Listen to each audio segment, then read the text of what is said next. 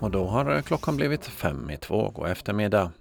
Andelsbanken betecknar 2023 som ett bra år resultatmässigt, men det präglades av försiktighet när det handlade om privatpersoners efterfrågan på bostadslån och företagens vilja att låna pengar till investeringar. Andelsbankens VD Jonny Nordqvist säger att eh, försiktigheten hör ihop med de prisökningar som skedde på grund av inflationen och att räntorna steg snabbt från en låg nivå. 12 månaders Euribor-räntan som låg på 4,20 under hösten 23 är nu nere på 3,60. Så vi räknar med att försiktigheten kring att ta lån ska mattas av under årets andra halva, säger Jonny Nordqvist.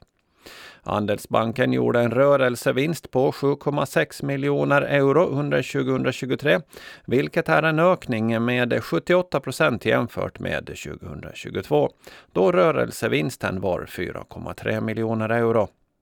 Bankens räntenetto, som var drygt 7 miljoner under 2022, ökade till 11,7 miljoner euro under 2023, vilket innebär en ökning på 67 procent.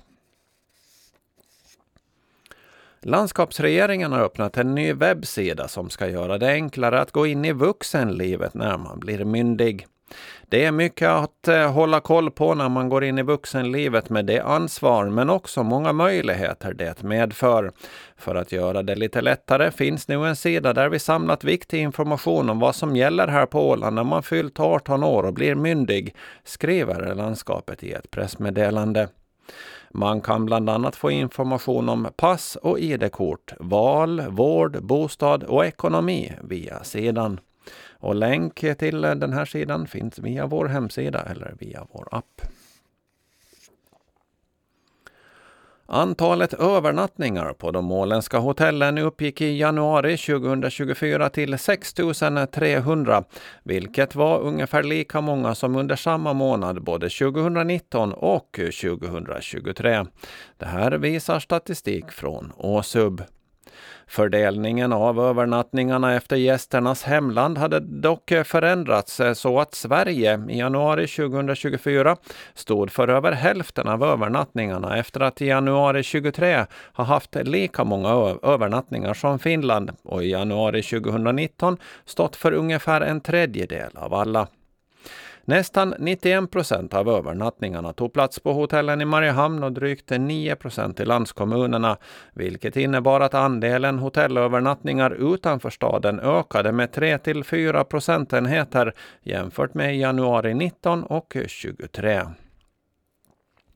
Över hälften av de 3300 gästerna som anlände till hotellen på Åland i januari 24 kom från Sverige och två femtedelar från Finland. Fördelningen var ovanlig då de finländska hotellgästerna varit fler än de svenska i januari nästan alla år tidigare under 2000-talet. Förutom från Finland och Sverige kom det gäster till hotellen från drygt 20 olika länder, varav, flest från Åland som stod för nästan 100 gäster. Landskapsregeringen har undertecknat ett samförståndsavtal med Lunds universitet som ska göra en forskningsstudie om det man kallar för Alla kan blomstra-idén. Det är Lunds universitets centrum för hållbarhetsstudier som ska göra studien och man skriver att syftet med studien är att bidra till ökad förståelse kring hur en kulturell transformation för hållbar utveckling systematiskt kan främjas och institutionaliseras.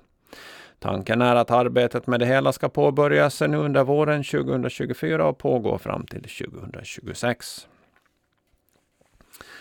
Och vädret, ja resten av tisdagen så är det mulet med dis eller dimma och väldigt fuktigt i luften. Temperatur 0 till 1 plusgrad och vinden är svag västlig och vrider till sydvästlig under kvällen. I natt kan det sen vara någon enstaka minusgrad, men tills imorgon onsdag så är det tillbaks till 0 grader. Sen under resten av onsdagen så blir det lätt regn i princip hela dagen. Temperatur runt 2 grader under eftermiddagen och vinden blir måttligt sydlig. Sjövädret vind mellan syd och väst 3 till 6 meter per sekund. I natt tilltagande sydlig till sydvästlig vind. I morgon bitti sydlig vind 5 till 9 meter per sekund. Lokalt dis eller dimma. Och det här var Ålandsnytt. I studion Ove Sjöblom.